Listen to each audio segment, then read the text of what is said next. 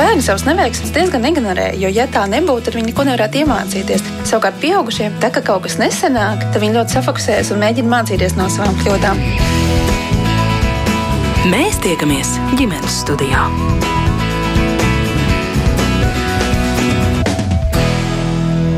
Labdien! Sev skanējumu sāk Latvijas radio viens ģimenes studiju. Turpmāko stundu ar jums kopā šeit es Agnese Link un arī viss šī rādījuma radošā komanda. Drīz jauns gads, kam sako izmaiņas pabalstu sistēmā, kāds būs ģimenes valsts pabalsta apjoms no nākamā gada un kāda ir ģimeņu finansiālā situācija Latvijā vispār šobrīd, par to šodien saruna ģimenes studijā.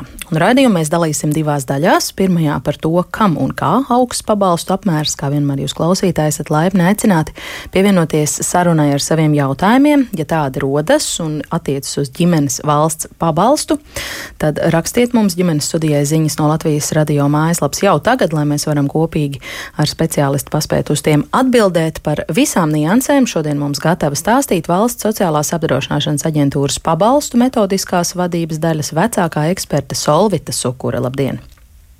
Labdien! Solvit, pirmais un galvenais jautājums. Kā no 1. janvāra mainīsies ģimenes valsts pabalsts? Cik liels, kam tas būs?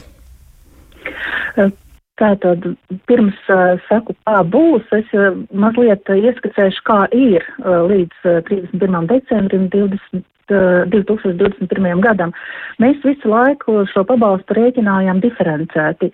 Tas nozīmē, ka pabalsta apmērs bija atkarīgs no tā, kurš pēc kārtas ģimenē ir piedzimis bērniņš. Ja viņš ir pirmais bērns, tad tie bija 11 eiro, ja otrais 22 eiro, trešais 34 eiro un tā uz augšu. Un vēl šī sistēma bija sarežģīta ar to, ka bija arī vēl jāsam, jāpiemaksā piemaksa par divu vai vairāk bērnu audzināšanu.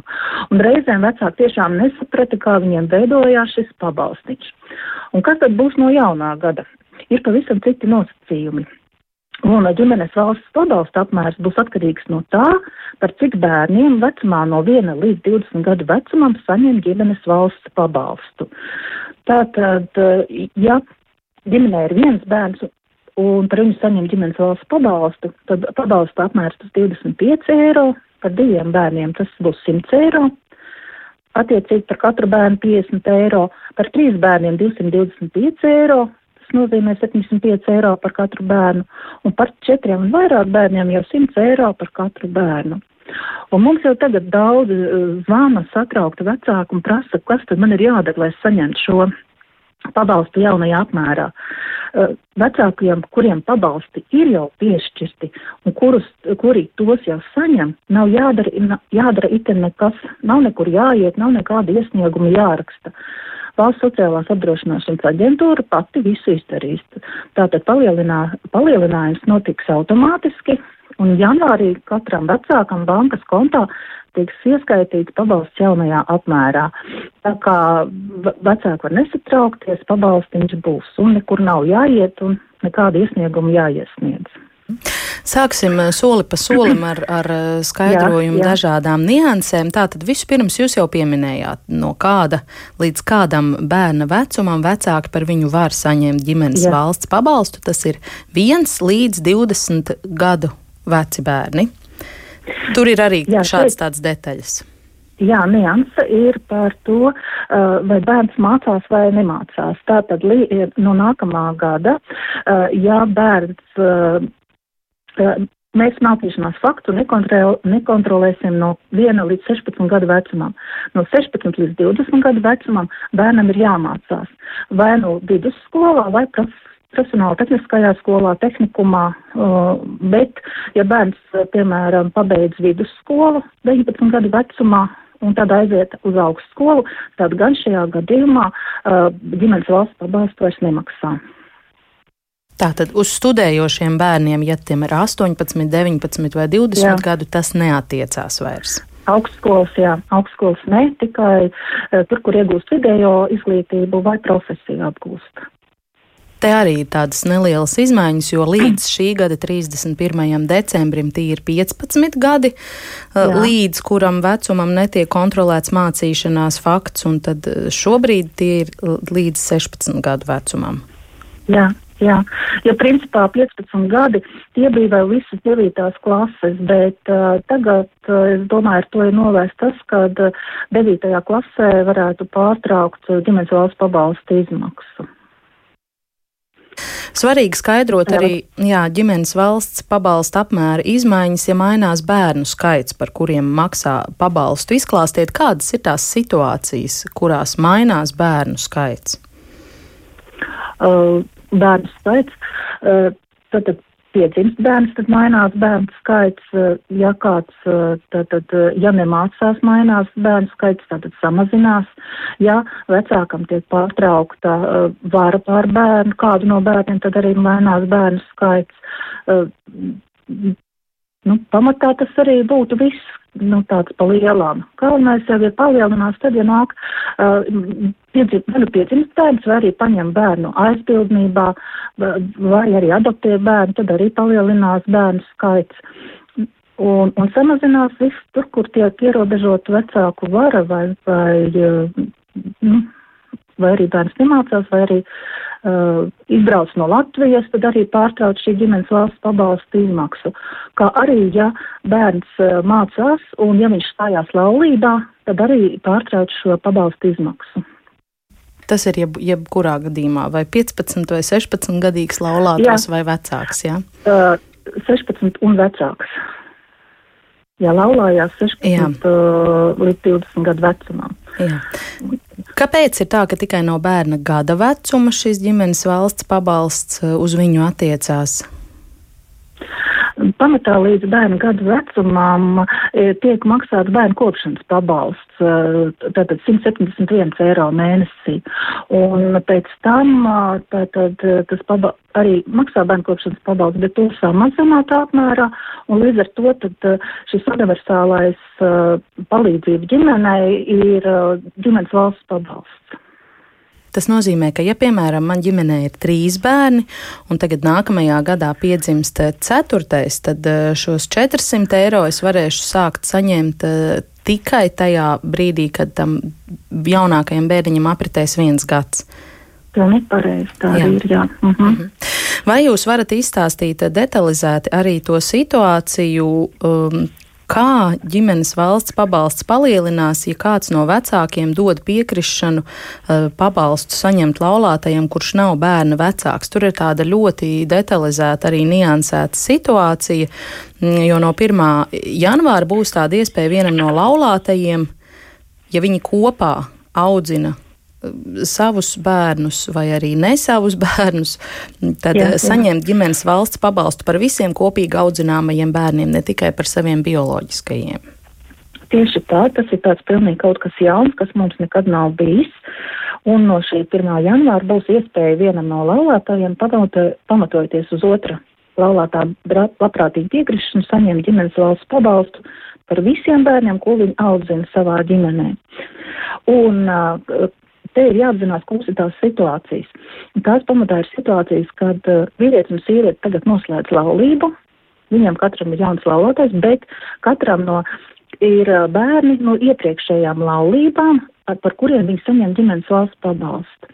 Nu, piemēram, sieviete un vīrietis apprecās, un sieviete ir bērns no iepriekšējās laulības, par kuru viņi saņem 11 eiro šobrīd, un arī vīrietim ir bērns, par kuru viņš saņem 11 eiro mēnesī.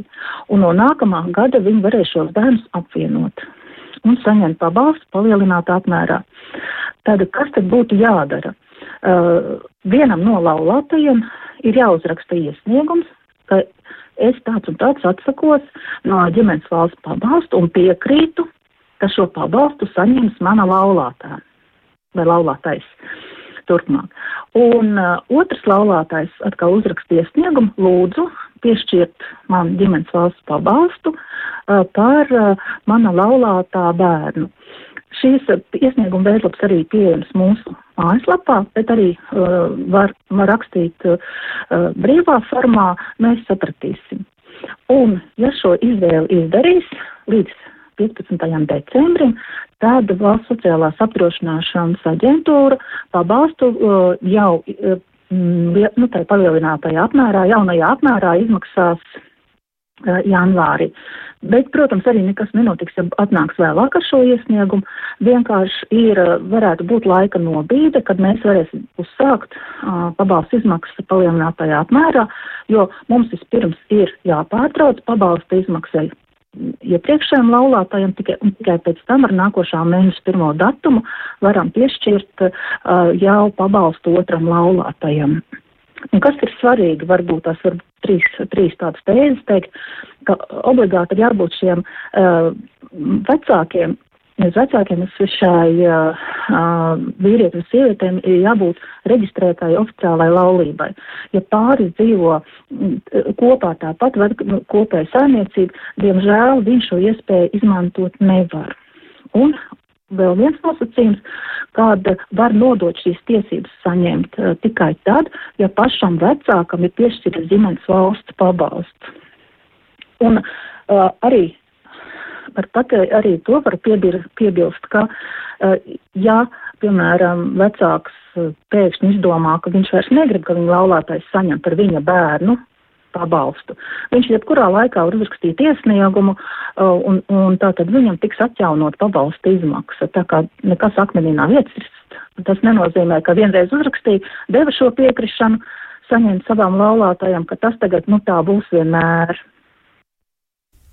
Vai ir uh, paredzams, ka viena bērna vecāki, kas, piemēram, ir šķirtī, viens vai abi precējušies vēlreiz, un tagad nevarēs sadalīt, kurš tad saņems to pabalstu, kurš bērnu, kas tiek aprūpēts, piemēram, 50 pret 50, varēs pieskaitīt saviem, varbūt otrā nākamajā laulībā dzimušajiem bērniem un krietni ievērojami palielināt šo pabalstu apmēru. Kā tādās situācijās tur būtu jārīkojas? Jā, es sapratu jautājumu, es sapratu jautājums varētu būt tāds, kad uh, tas. Uh, bērna vecāks, kurš vairs nav laulātais, tā kā negribētu piekrist, kad uh, par viņa bērnu saņem viņa bijušā laulātā, uh, laulātā jaunā sieva vai jaunais vīrs. Nu, jā.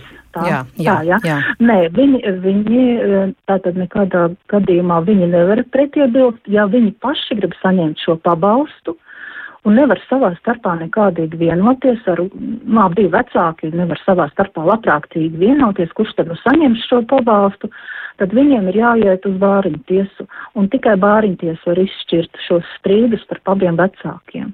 Pieļauju, ka varētu tā būt, ka sāks uh, vecāks strīdēties, bet nu, tas tā ir bijis vienmēr, kad ir šīs domstarpības ģimenē. Tad ir bāriņties, vai nu arī ir, ir tiesas spriedums, kurā ir redzams, uh, kas notiek ar bērniem pēc laulības šķiršanas. Un tad, uh, tad vec, tam vecākam, kurš uh, realizē ikdienas aprūpu, tam mēs arī piešķirām ģimenes valsts pabalstu. Un viņš viņu arī turpinās saņemt jā, pēc 1. Jā, janvāra. Jā, tur neviens no malas jā. nevarēs uz to iedarboties, rakstot kaut nevar, kādus nevar. Tad tikai, jā, tad tikai ar iesniegumu to nevarēs, tikai tad ir jāiet un jārisina tie tiesiskā ceļā šis jautājums, jo uh, tāpat tās, uh, es tagad, es tagad izdomāju, ka es tagad pēkšņi atkal gribu kaut ko saņemt. Nē, tā nevarēs. Tur ir Tātad, ja nav iespējams, ja vecāki savā starpā nevar tās nu, mierīgā ceļā vienoties, nu, tad ir jāiejaucās tā iestādē, kas aizstāv bērnu intereses. Un tā nu, tad lems, kuram tad, nu, kurš, kurš tad ir tas pabalsts saņēmējs. Tātad, bet ja ir tāda ģimene, kur abi laulāti audzina savus kopīgos uh, un arī varbūt ne savus bioloģiskos bērnus, tad, lai saņemtu ģimenes valsts pabalstu, šo palielināto pabalstu no 1. janvāra par visiem kopīgi audzināmiem bērniem, abiem ir jāraksta iesniegumu jums, un tas Jā. jāpaveic līdz šī gada 15. decembrim. Vai to mēs jau Jā. akcentējām tieši to 15. decembri? Jā. Jā, to mēs akcentējam, bet tas ir tad, ja tiešām jāapvieno, ja, ja jau šo brīdi ģimenes saņem, piemēram, uh, mamma saņem jau par visiem bērniem, gan par kopīgiem, gan par saviem bērniem, nu par pašas bērniem, un nav tur vīra atsevišķie bērni, tad, uh, tad nekas nav jāraksta. Tikai tad, ja ir nu, jāapvieno tā, tā, lai uh, viens no viņiem varētu saņemt par visiem bērniem. Un ja nokavēs šo 15. decembri? Nekas, ja nokavē, tad, tad vienīgais tad mēs nevaram pas, valsts savās apdrošināšanas aģentūra nevar paspēt veikt pārēķinu ar 1. janvāri. Ja atnāks pēc 15. decembra līdz 15. janvārim, tad, tad pabalstu pārēķinās no 1. februāra. Tas nozīmē, ka tā 1. janvāra lielākā naudiņa būs tomēr zaudēta vai februārī izmaksās vairāk? Nē, tad ir tikai pārreikini var veikt par 1. februāri, tātad par janvāri, tad, tad nekā. Tātad mēs jau aktīvi arī tagad saņem, saņemam šos iesniegumus un arī aktīvi informējam, lai nāk un raksta šos iesniegumus. Tad, ja grib saņemt par otra laulātā bērniem, kas ir dzimuši iepriekšējās attiecībās. Jā, un vēlreiz tad eh, atzīmēsim, ka tiem, kas laulībā audzina savus kopīgos bērnus, viss ir vienkārši, tiem nav jādara it nekas, nekāda mm, iesnieguma nav jāraksta, jā, jā. viss notiks automātiski. Automātiski. Mēs jau redzam, par cik bērniem saņēma, un mums viss jau tā, tā sistēmā jau viss ir iekšā. Tikai tas aprēķins ir nedaudz savādāks, bet eh, mēs redzam, ka ir šie trīs bērni. Šobrīd droši vien pa trīs bērniem saņem, saņem t, t, summu, kaut kur ap 99 eiro, tad vajadzētu par trīs bērniem no nākošā gada būt 225 eiro. Ir tādas atsevišķas situācijas, arī jūsu modelētajos publicitātes materiālos ir redzams, Jā. ka ir daļa ģimeņu, kurām ģimenes valsts pabalsts no 1. janvāra nedaudz, bet samazināsies. Vai jūs varat paraksturot, kādas ir tās situācijas, kādi tie ģimenes modeļi? Uh mhm. -huh. nu, tie pamatā ir, tās ir tās ģimenes, kur uh, ir pieaugušie bērni un palikuši viens vai divi mazi bērni, par kuriem šobrīd saņem ģimenes valsts pabalstu.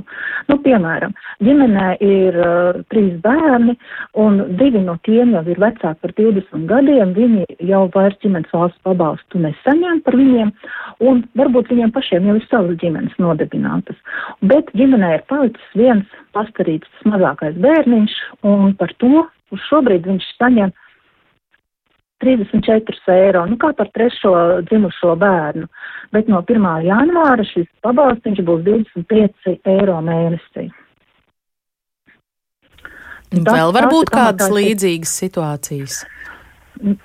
Nu, piemēram, ja saņem par ceturto bērnu, šobrīd tas ir 50 eiro mēnesī, un no 1. janvāra tie būs 25 eiro mēnesī.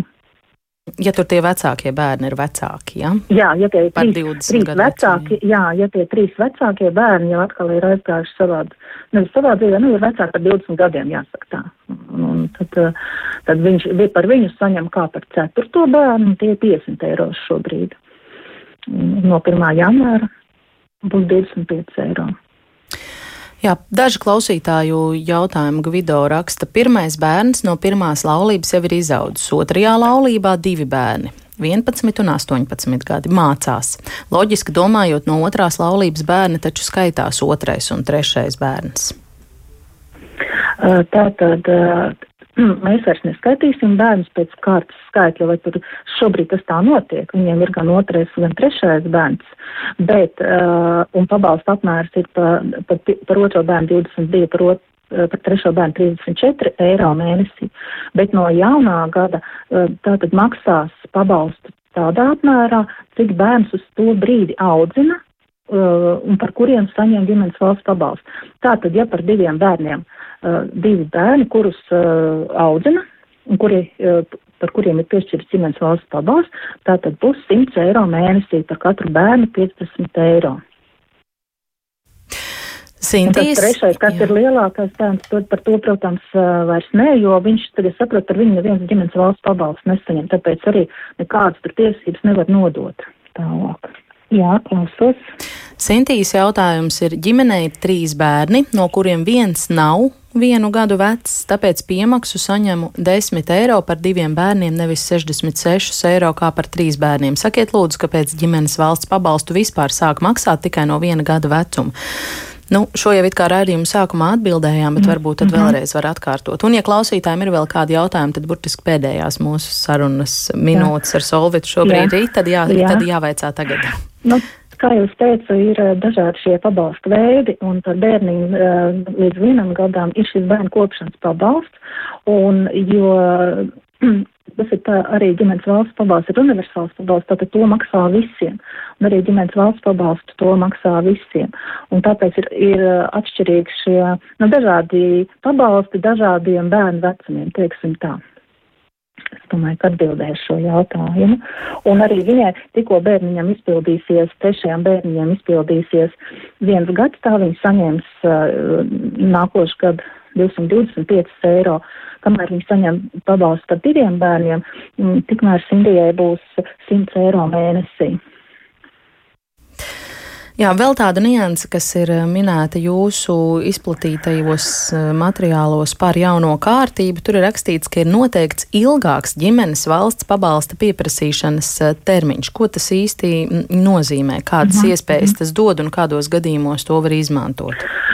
Tas bija tas, kad tātad ģimenes valsts pabalstu piešķir no bērna viena gada vecuma, bet mēs vienmēr esam teikuši šo iesniegumu pabalstu piešķiršanai var pieprasīt jau uzreiz pēc bērniņa piedzimšanas. Bet, diemžēl, vēl joprojām ir šīs situācijas, ka vecāki vai nu aizmirst to izdarīt rūpēs par jaundzimušo, vai arī vēl nu, nu, atliek šo jautājumu. Un bieži ir tā, ka viņi atnāk pie mums un uzrakst iesniegumu, un ir pagājis diezgan ilgs periods jau pagājis gads vai, vai pusotrs gads, un šobrīd ir tā noteikts, ka pabalstu piešķir par iepriekšējiem sešiem mēnešiem. No janvāra būs, ka pabalstu piešķirs par iepriekšējiem 24 mēnešiem. Tātad, ja būs šis kaut kāda, būs šī situācija, kad uh, pabā, iesniegums ir, ies, nu, ir aizmirsts iesniegts, tad mēs varēsim samaksāt par diviem gadiem uz atpakaļ. Un tas ir, tas ir ļoti liels pluss, un tas būs tikai šim pabalstam, kad nu, tas ir tikai un vienīgi tajās situācijās, ja vecāks ir aizmirsts to izdarīt saulaicīgi. Un visbeidzot, arī Elīnas vēl jautājums, jeb komentārs. Viņa raksta, mūsu saliktā daudz bērnu ģimene ieteiktu, ka valsts sociālās apdrošināšanas aģentūra var konstatēt, ka mēs esam daudz bērnu ģimene. Tomēr ģimenes valsts pabalstu izmaksātu katram bioloģiskajam vecākam. Līdzīgi kā ģimenes pluskartes gadījumā spēja konstatēt, cik kopumā mums bērnu. Mēs ar vīru esam vienojušies, ka viņš saņems mana dēla pabalstu, bet kopumā tas liekas diezgan dīvaini, jo viņš uztur savus bērnus, es savu. Vai ir kas tā, ka ir, ir, mēs varam izmaksāt šo pabalstu tikai vienam no laulātajiem, un mums obligāti ir vajadzīga šī piekrišana par to, jo citādāk, ja nav šīs piekrišanas, mēs nedrīkstam pārtraukt pabalstu izmaksāt otram laulātajam. Un Katrā ziņā ģim, tas jau ir, bet šīs pabalsts veido ģimenes kopējo budžetu.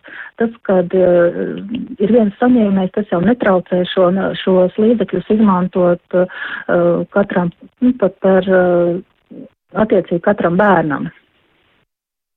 Nu jā, Elīna vēl iesūtījusi piebildi, ka īsumā viņas doma ir tāda, ka aģentūrai vajadzētu konstatēt, cik kopumā bērnu ir mūsu ģimenē, bet izmaksāt joprojām katram atbilstošajam vecākam -hmm. Jā, vai ir vēl kas tāds, kas uz nākotni? Jā. jā, kas vēl varbūt būtu jāpiemina vai jāakcentē šai, šai tematā, vai vispār jūs par šo ģimenes valsts pabalsta jauno kārtību saņemat kādus jautājumus, kas ir tas neskaidrākais no vecāku puses?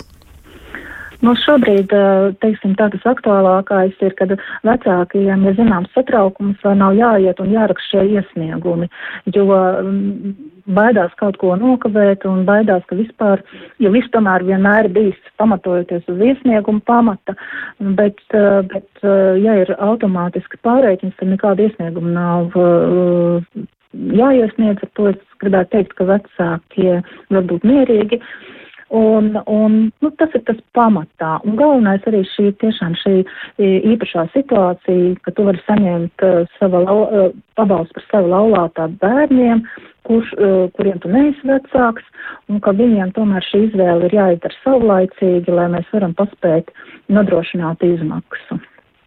Tas ir tas pats, tas, tas aktuālākais. Jā. Noslēgsim ar. Paldies arī tiem, kas bija, bija arī ļoti daudz vecāki, bija ļoti apmierināti, jo tomēr daudziem šis pieaugums ir jūtams un, un tā kā paldies arī par labajiem vārdiem, ko mums vēlt vecāki. Jā. Zanda raksta paldies par raidījumu. Esam daudz bērnu ģimene ar trīs bērniem ar valsts piešķirtām godu ģimenes apliecībām. Abi lielākie bērni jau pilngadīgi, vecākajiem palika 21 gads, bet abi lielie mācās klātienē tehnikumos un ir pilnībā mūsu vecāku apgādībā. Kāpēc nepiešķir ģimenes valsts pabalstu arī par šādiem bērniem, kas mācās un ir vecāki par 20 gadiem? Viņi ierosina, ka varētu piešķirt līdz 24 gadu vecumam. Jā. Jo... Tad, ar, arī pie, zināmā mērā var piekrist tiešām par šiem bērniem bērniem jāturpina rūpēties. Nu, tas ir katrā ziņā politikas jautājums un izšķiršanās, un uh, šobrīd ir tāds regulējums, ka mēs pabalstīm maksājam līdz 20 gadu vecumam. Un tad jau iestājās, cik es saprotu, atkal citi šie atbalsta mehānismi, stipendijas un, un, un, un citas atlaides, bet uz ģimenes valsts pabalstu ir šā, šāds nosacījums. Kas paldies par viedokli. Paldies arī jums uh -huh. par mhm. skaidrojumiem. Valsts sociālās apdrošināšanas aģentūras pabalstu metodiskās vadības daļas vecākā eksperta Solvita Sukure bija ar mums kopā ģimenes studijā. Mēs tagad klausāmies mūziku un pēc tam par to, ka vairāk nekā trešā daļa, jeb 36% Latvijas mājasēmniecību pēdējā gada laikā vismaz reizi ir saskārušās ar situāciju, ka tām nepietiek finanšu līdzekļu ikdienas pamatvajadzību sekšanai. Tā liecina kāda jauna aptāja, kur šajā ainā ir ģimenes ar bērniem. Iztirzāsim pēc maza mirkļa. Mēs tiekamies ģimenes studijā. Un ģimenes studijā šodien saruna par eh, Latvijas ģimeņu labklājību. Raidījuma pirmajā daļā mēs apspriedām to, kā no 1. janvāra mainīsies ģimenes valsts pabalsta apmērs un izmaksas kārtība. Ja nu gadījumā nepaguvāt to dzirdēt, tad uzreiz pēc raidījuma beigām varēsiet atrast un noklausīties eh, šo atkārtojumā Latvijas radio mājaslapā ģimenes studijas sadaļā. Bet nu, par nedaudz citu aspektu, proti vairāk nekā trešā daļa, jeb 36% Latvijas mājasēmniecību pēdējā gada laikā vismaz reizi saskārušās ar situāciju, ka tām nepietiek finanšu līdzekļu līdzekļu ikdienas pamatvajadzību sekšanai, tā liecina Svetbanka veikta aptauja un salīdzinājumā ar 2017. gadu šādu mājasēmniecību īpatsvars ir audzis par 4% punktiem, bet tomēr audzis. Un eh, tad nu, sarunas dalībnieki rādījuma turpinājumā ar Svetbanka Finanšu institūta ekspertu Eviju Kropa. Labdien! Sveiki! Un Latvijas darba devēja konfederācijas sociālo lietu eksperts Pēters Lēškāns. Labdien! Labdien! Es sākšu ar jautājumu Evijai par to aptauju. Ko tā parāda? Vai jūs varētu pastāstīt plašāk, kas ir tie akcenti, kas ir zīmīgais, būtiskais? Nu, jā, redz, gribētos jau laikam ejot, tomēr ar tādām pozitīvākām ziņām dalīties. Proti, ka kopš 17. gada šādu maisaimniecību skaits būtu samazinājies, vai ne? Nu, to tomēr drīzāk gribētos uzsvert nekā pretēji tendence, bet, nu, jāreikinās arī, ka, protams, arī pandēmijas radītie apstākļi ir radījuši diezgan lielu satricinājumu ģimenes budžeta maciņam, nu, un tad šobrīd redzam, ka, jā, tādu maisaimniecību, kuras netiek galā ar savām pamatvajadzībām, šeit pat netiek runāts par to, par tādu nu, izteiktu dzīves labklājību, ne, bet, bet tiešām par tādām pamatvajadzībām, kad nespēja tikt galā jau krietni vairāk vēl maisaimniecību nekā pirms gadiem četriem. Tas, protams, ir satraucoši, un ja mēs skatāmies par tām segmentiem, kas tad ir tās maisaimniecības, kuras visbiežāk netiek galā, nu, likumsakarīgi tur ir, protams, iedzīvotāji, kuriem ir ar zemiem ienākumiem. Tātad, jā, ja tā finanšu ikdiena jau ir sarežģīta, nu, tad tās pamatvaidzības patiešām ir grūti sekt. Seniori arī, ja, mājasaimniecības, un, un, protams, arī vienas personas mājasaimniecības, kas man liekas arī nav pārsteigums, jo tās ir tās sabiedrības grupas, kuras jau, jau gadus iepriekš jau tiek izdalīts kā tādas sarežģītākās situācijas, ja, ja, ja iespējams vēl arī darba tirgus satricinās, pieņemsim, pirmspensijas vecumā, ja, vai, vai cilvēks ar vienu mājasaimniecību. Bet tas, ko mēs vēl papildus redzam, kad šīm te šis um, lokam nācis klāt, pieņemsim, arī gados jauni uh, iedzīvotāji, ka pat uh, līdz 30 gadiem. Nu, šeit mēs meklējām saistību, kāpēc, nu, iespējams, ar, ar uh, tām nozarēm, kurās jaunieši mēdz strādāt, piemēram, viesmīlībā, un kas tomēr, nu, pandēmijas radītie apstākļi ir skāruši varbūt arī visvairāk. Nu, tās arī tās maisaimniecības, kuras, kurām ir sarežģīti. Bet, um, labā ziņa, man liekas, šajā visā stāstā tomēr arī ir par to, kad, par to biežumu, cik tad bieži ir nācies gada laikā saskarties ar tādu situāciju, kad man nepietiek šomēnes, es tiešām nespēju tikt galā ar savām pamatvajadzībām. Lielākoties tas ir reizi līdz divas gadā. Ja? Nu, tātad reizēm, nu, reizi pusgadā kaut kas notiek, ja tas ģimenes mācīņš tiek satricināts, bet ir iespējams no tā, es teiktu, pat nu, diezgan viegli atgūties ar nosacījumu, ja ir izveidots finanšu rezervīti, kaut kādi līdzekļi ir uzkrāti. Jo to atkal savukārt arī mūsu pētījumā redzam, ja nav šo te uzkrājumu, nu tad, nu, nu tad tās ziepes ir krietni vien lielākas. Un vēl kas ir svarīgi, ka tā kaut kādā mērā tā sabiedrības noslāņošanās joprojām nu, turpina palielināties, jo, uh, ja no vienas puses nedaudz ir pieaudzis to iedzīvotāju skaits, kuri spētu iztikt ar saviem ienākumiem, nu, tā kā uzkrātajiem, ar tādu uzkrāto drošības pilvenu vairāk nekā vienu mēnesi. Ja? Tātad, ja kaut kas notiek, tur nezinu, kāds zaudē darbu, vai kāda slimība, vai kāda cita īstermiņa aizķeršanās ienākuma plūsmā, tad ģimenes spēja norientēties tā, ka nu, vismaz vienu mēnesi man, man ir uzkrāts, ja, kad es spētu tikt ar šo situāciju galā. Bet tajā pat laikā mēs arī redzam, ka tiem, kuriem jau ir nu, teiksim, tādi augsti ienākumi, jau ir izveidota zināma rezervīte. Tā rezervīte ir vēl krietni pieaugusi. Nu, piemēram, lai, tādam, lai tā asociētu, pieņemsim, ja uz vienu mājsaimniecības locekli ienākumi ir bijuši 750 eiro un vairāk, nu, tad tā rupi rēķinot četru cilvēku ģimene, tie jau ir 2800, 3000 eiro un vairāk. Tad šāda ģimene ir spējusi uzkrāt uh, uzkrājums, pieņemsim, astoņu mēnešu apmērā, lai sektu savas uh, ikdienas uh, ne, vajadzības un tādas nepieciešamos izdevumus turpinātu sekt. Bet, ja skatāmies tādā ienākumu jau zemākā līmenī, tur tas tie mēneši, cik ilgi spētu iztikt ar uzkrājumiem, krietni, krietni, krietni sarūk. Mm. Tā kā, nu, tad redzam, ka, ka tā plaisa joprojām ir, un es teiktu, ka viņi paliek lielāki tiem, kam ir iespējas, tie ir atraduši iespējas to palielināt vēl vairāk, kam nav, tiem, tiem klājas vēl, vēl mm. jau grūtāk. Kur šajā ainā ir ģimene? Ģimenes ar bērniem? Nu, ģimenes ar bērniem mūsu ainā ir tā. Uh, Pozitīvais aspekts, kad pētījums atklāja to, ka ģimenes ar bērniem ir rūpīgāks savu finanšu plānotājs, un līdz ar to ir laikus spējuši gan salāgot vispār savu ģimenes budžetu tā, ka nu, mēs vismaz sasniedzam to bilances nulles līmeni, kad ar manu ienākošo plūsmu es tieku galā ar to visu, kas man ir vajadzīgs tajā izdevumu jomā. Ja? Un turklāt ir spējušas arī laicīgi padomāt, tādu, nu, teiksim, tādu mērķiecīgi par kaut kādu uzkrājumu veidošanu, ja, kas jau ir nākamais posms budžeta plānošanā, no sākuma tikt galā ar ienākošo izdējošo plūsmu un pēc tam jau veidot kaut kādu rezervi. Bet tajā pat laikā, kas man likās interesanti ar tiem bērniem, jau arī, nu, redz, kurā brīdī tad beidzas tas bērniņš, ja, nu, kurā brīdī viņš nu, nav vairs manā ne apgādībā vai manā aprūpē, jo tas bērns jau laikam vecākiem ir visu mūžu garumā. Un, un tas, es teiktu, ka tas um, sarežģītākais, ne, bet izaicinošākais varbūt kaut kādā brīdī ir tas, ja tas bērns turpina dzīvot jau pieaudzis būdams, turpina dzīvot ar saviem vai sava dzīves biedra vecākiem. Jo pētījumā, socioloģiskā pētījumā mums nāca uh, laukā tādas tendences, ka šie uh, respondenti, kas dzīvo kopā ar saviem vai sava dzīves biedra vecākiem, retāk plāno savas finanses, retāk veido uzkrājumus un biežāk nonāk situācijā, kad nespēj tikt galā ar saviem izdevumiem. Mm. Iestarpināšu ar kādas, kas klausītājs, kas parakstījusies kā 35 gadniece, rakstīja to, abi ar vīru strādājam normālu algotu darbu, ar pamatvajadzībām tiekam galā, taču neko bonusā gan atļauties nevaram. Šobrīd šķiet, ka arī otru bērnu atļauties nevaram. Diemžēl algas ne valsts, ne privātajā sektorā neaug atbilstoši pakalpojumu un pakalpojumu cenām.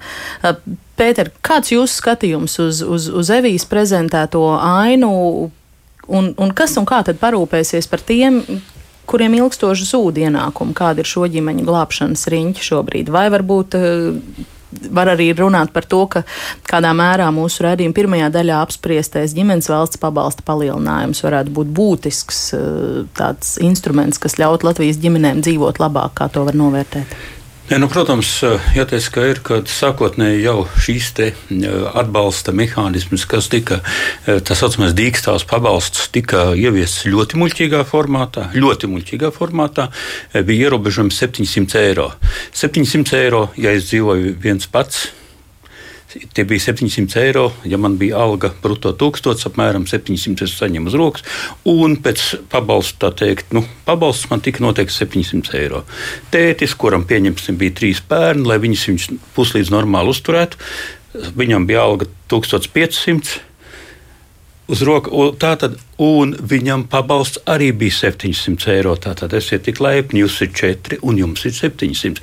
Tātad tas bija absolūti muļķīgs un nepareizs sākotnējs solis. Pēc mm. tam to griezus palielināja līdz 1000, kas man kā vienai personai jau bija diezgan pavisam jau. Tā teikt, es varēju atlikt uzkrājumus savukārt ģimenei, tētim ar trim bērniem, nu tur švaki bija. Jūs sakāt, ka tieši tur apgādājumu skaits būtu bijis jāņem vērā? Nē, nu tas mm. ir, ja atvasina no mana iepriekšējā atalgojuma. Tātad, ja mans iepriekšējais atalgojums ir bijis tāds, tādēļ, ka es zinu, ka man jāuztur, kā jau uh, kolēģi minēja, tie ir atbildīgāki, kam ir bērni, atbildīgi pieeja savam finansēm. Tātad viņš ir tādēļ, ka viņam ir trīs bērni, viņš zina, ka viņam ir jāuztur, mm. viņš pelna 1500 uz rokas. Teiksim, ja? Viņam arī pasaka 700, tas ir nenormāli. Protams, ka bija jāsaka, ja mēs sakām pa pirmo personu maisamniecībā ierobežojums ir 700, tātad pa katru nākamo pusi no šī 700, nu, tas būtu tā samērīgi un normāli. Tad uh, arī tās ģimenes, kurās ir bērni, būtu, bet viņi maksimāli pieaudzēja šo te nevienlīdzību. Pēc tam, protams, zināmā mērā tas tika labots ar 500 eiro e, pabalstu uz katru bērnu. Kā rezultātā daudzas ģimenes, kas vispār pirms tam pat nebija pieteikušās uz ģimenes valsts pabalstu tā maznozīmīguma dēļ, mm -hmm. pieteicās un, un pieauga mums pa 10% pieauga tie e, ģimenes valsts pabalsts, e, nu, tie bērni, pa kuriem saņem ģimenes valsts pabalstu. Vienkārši pieteicās, tāpēc, ka redz, ka ir jēga un attiecībā uz nākamo gadu, protams, ja mēs skatāmies ar, uz to, kā būs, tas ir ievērojami labāk nekā šobrīd. Bet, nu, jāteic, ka ir vienlaikus tas ir ievērojami sliktāk nekā e, Igauniem. Teiksim. Ja mēs skatāmies pie trīs bērnu ģimenes, tad viņiem, laikam, mēnesī būs, viņiem jau sen jau ir 520 mums būs šķiet, pa trīs bērnu ģimeni būs 225. 225 nu, nu, plus vēl tas, 100 par atvieglojumu. Ja šos atvieglojumus piešķir, ja ir, ir tie nosacījumi, jo mums tur arī dīvainības biežam ir ar tiem atvieglojumiem, e, tur ir kaut kam piešķirt, kaut kam nepiešķirt, e, kaut kam e, neļauj izmantot. Sakot, protams, jā, mums ir tas, ka mums ir relatīvi labs atvieglojums par, par bērniem, par apgādību esošo personu 250 eiro, kas natūrā ir 50, ja viņu pilnībā var izmantot, ja, bet nu, ne visos gadījumos to var izmantot. Tāpēc no tā skatu punkta šis pabalsts ir labāks, e, jo viņš ir labāks arī, arī laukos, kur, kur ir daļējie ienākumi no naturālās un daļējie. Ja, tur viņš ir labāks. Savukārt šis atvieglojums atkal ir ļoti labs no tā, ka viņš tomēr mudina vecākus strādāt. Ja tev ir daudz bērnu, tev daudz jāstrādā. Un tā ir tā labā filozofija. Jo tev vairāk bērnu, jo tev vairāk jāstrādā strādāt. Un, un tas tev Plus vēl šiem atvieglojumiem ir ļoti labs efekts uz ēnu ekonomiku, jo vienā darba kolektīvā ar vienādu profesiju parādās cilvēki, kuriem ir dažādas intereses. Tam, kuram nav bērnu, viņš saka, man tu droši vari tā un aploksne pārējo. Tam, kuram, piemēram, trīs bērni, viņam pieaug neapliekamais pa 750 un viņam tā tad no viņa puses jāmaksā tikai tie 11% sociālais, viņš saka, nē, man tu maksā pilnu algu, jo es zinu, ka tādā gadījumā man pensijas uzkrājums veidojās daudz labāks, un arī apgādnieku zaudējuma pensija uzreiz ir daudz labāka, ja gadījumā kas notiek. Ja, Tātad sociālās garantijas paliek ļoti svarīgas, jā, un kā kolēģi minēja, tā, tās, tā, tie, tā, tie nu, cilvēki, kam ir bērni, tātad ģimenes ar bērniem, plāno vairāk savus ienākumus, tad viņš arī domā, kas būtu, kā būtu, ja būtu. Ja? Tātad tas gan nākotnes pensijas svarīgi, gan iespējamā apgādnieku zaudējuma pensija svarīga. Mm -hmm. Jā, Evī, jūs arī e, ziņojumā par šo aptauju iekļaujat tādus kā ieteikumus, kas varētu palīdzēt uzlabot savu finansiālo situāciju tieši ģimenēm. Tur ir divas lietas - ieradumu pārskatīšana un budžeta plānošana. Un tad, kad uh, cilvēki, kuriem varbūt ir, kā mūsu rakstītāji saka, strādājam normālu algotu darbu, bet pietiek tikai pamatvajadzībām. Tad, kad viņi dzird vārdu budžeta plānošana, vārdu salikumu, tad, tad viņus iespējams tas nu, aizskar vai aizskaitina, un tur ir jāskaidro, Jā. Ko tas nozīmē šādā situācijā? Jā, es, es, es piekrītu, jo, jo ja cilvēks, pieņemsim, jau tā savā finanšu ikdienā, es teiktu, ir ļoti prātīgs un pat ļoti demokrātisks savās izvēlēs un rīcībā, un ja tu mēģini viņu vēl bakstīt ar to, ka, hei, tagad, nu, pieeja pie šīm lietām rūpīgāk, es, es ticu, ka tur jau, jau tas tā kā kādam zvēram sarkanu lupatu paplivināt priekšā, nu, saprotam, bet tajā pat laikā, nu, jās, jāsaprot arī, ja es gribu mainīt situāciju, tad kaut kas arī ir jāmaina. Jo, ja nu, teiksim, es gribu citu rezultātu, nu, nemainot manu rīcību vai savu ikdienu, nu, nekas jau citādāks arī nebūs. Ja? Jo, jo es vairāk esmu par to, ka, protams, budžetu plānot arī, nu, pieņemsim, tos pašus izdevumus var pārskatīt, jeb, nu, to tā tēlaini izsakoties, to jostu jau var pievilkt līdz zināmam līmenim. Jāatstāj jau arī iespēja elpot joprojām, ja? nevar jau aizņaukt pavisam. Nu, skaidrs, ka tos izdevumus optimizēt var līdz noteiktam līmenim, kad zemāk tu jau vairs paiet, paiet nevari. Un, nu, tad man mans vienīgais ieteikums, ko var darīt otrā pusē, jo budžeta plānošanā ir divi mainīgie. Tātad izdevumi un ienākumi. Nu, ko es varu darīt? Tā tad man ir nu, jāskatās ilgtermiņā, ko es varu darīt, pieņemsim, šodien, lai iespējams mainītu, pelnītu vairāk, citā darbā ietu, apgūtu kaut kādas jaunas prasmes. Nu, nu, kaut kā man, man tieši domājot par šo sarunu, arī Ātavas atmiņā man reiz vēstures skolotāji ļoti labu piemēru arī deva, kad iedomājies, ka divas vardītes tiek iemestas burkā ar pienu. Uh, ir tā vardīte, kas kuļ kājiņas, kuļ, kuļ, kuļ, kuļ, kamēr sakuļ sviestu un izlec ārā, bet ir vardītes, kuras noslīkst. Ja?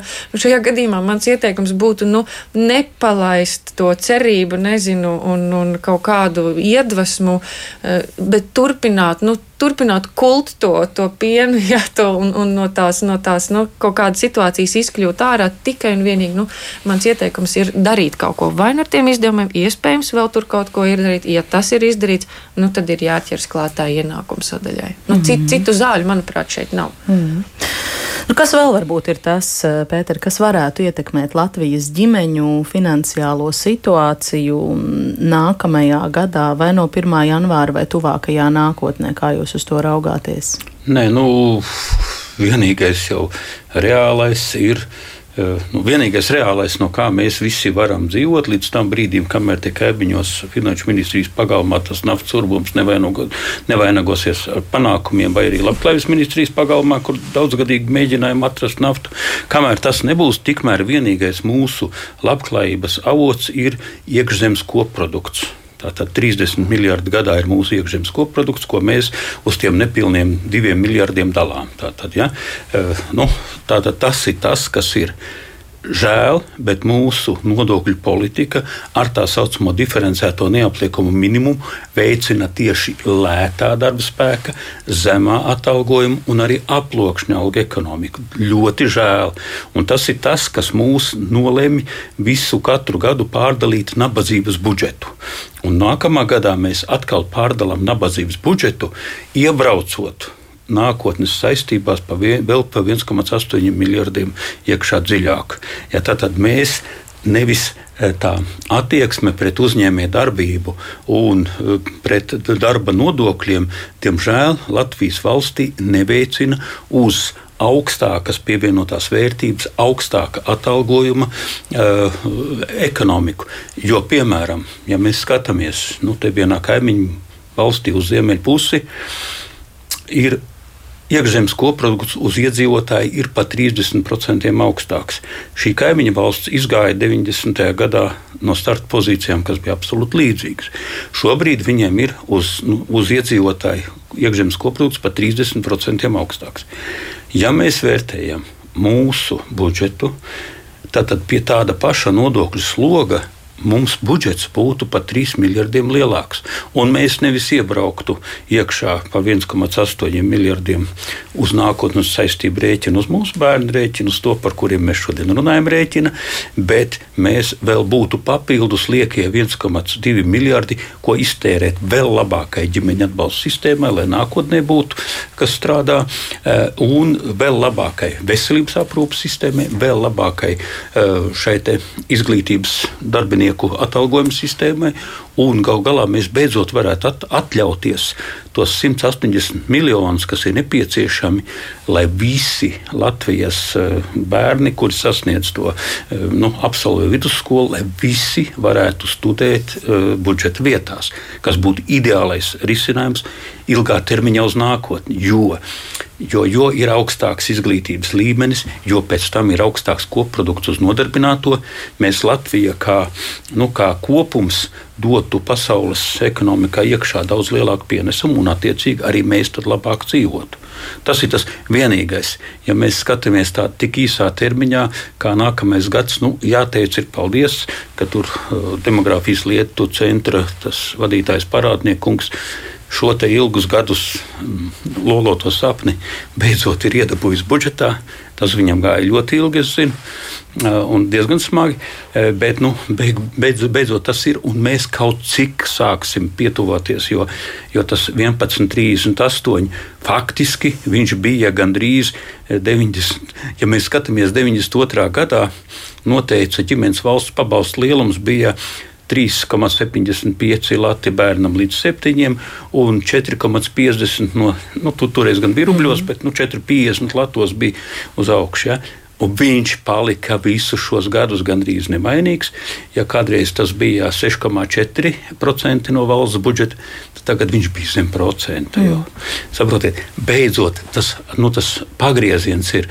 Jo tā, tā problēma bija kur? Ja mēs skatāmies uz bērnu, nu, tad ir diezgan vienkārši. No valdības puses ir kas. Ja? Ja, ja piedzimst bērns, tad mamma iet uh, maternitātes atvaļinājumā. Ja viņa nestrādā, bet saņem, uh, pēc tam bērnu kopšanas atvaļinājumā, tad nestrādā, bet saņem.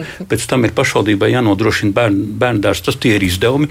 Pēc tam ir valstī jānodrošina skola, atkal ir izdevumi. Uh, tad ir vēl jā, jādod stipendijas augstskolas laikā. Un tad pēc 22 gadiem viņa atjēdzās. Mums nav kas strādā, nav kas ienāk darba tirgu, nav jau no darba roku mēs katastrofāli nu, sākam iet lejā, kad mūsu darbspējas vecuma cilvēku īpatsvars strauji krītās.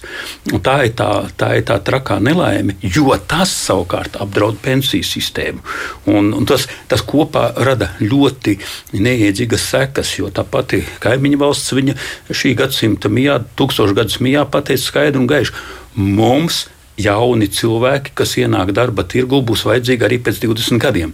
Un tāpēc mēs mainījām politiku. Pie mums politika ir īsā termiņā. Kā man tikt ievēlētam, ko man izdarīt, lai mani nākamajā gadā ievēlētu parlamentā? Nē, valsts vīriem ir jāskatās, kas būs pēc 20 gadiem. Jā, uz to arī atliek tikai eh, cerēt, un uh, nolasīšu vēl pēdējo klausītājas komentāru. Ilga pievienojas jūsu teiktajam. Viņa saka, dzirdējusi reiz labu ieteikumu. Nevis jāstrādā vairāk, bet jāiegulda izglītībā, lai varētu paaugstināt kvalifikāciju un pelnīt vairāk. Ar to arī noslēgsim šodien raidījumu ģimenes studiju. Paldies par sarunu. Saku šīs dienas eh, viesiem raidījuma otrajā daļā. Tā bija Svetbanka Finanšu institūta eksperta Evija Kropa un Latvijas darbdevēja konfederācijas sociālo lietu eksperts Pēters Leiškalns par raidījumu tapšanu un skanējumu. Šodien gādāja Ilza Zvaigzne, Katrīna Bramberga un es Agnes Linka. Labklājības ministrija uzsākus kampaņu Es gribu savas mājas, aicinot atsaukties uzņemošās ģimenes, kas būtu gatavas pieņemt audzināšanā bez vecāku gādības palikušus pusauģus. Kā vairot tieši šādu ģimeņu skaitu, to mēģināsim izzināt ģimenes studijā rīt. Klausieties mūs arī podkāstos, sakojot Facebook un Instagram uz sadzirdēšanos.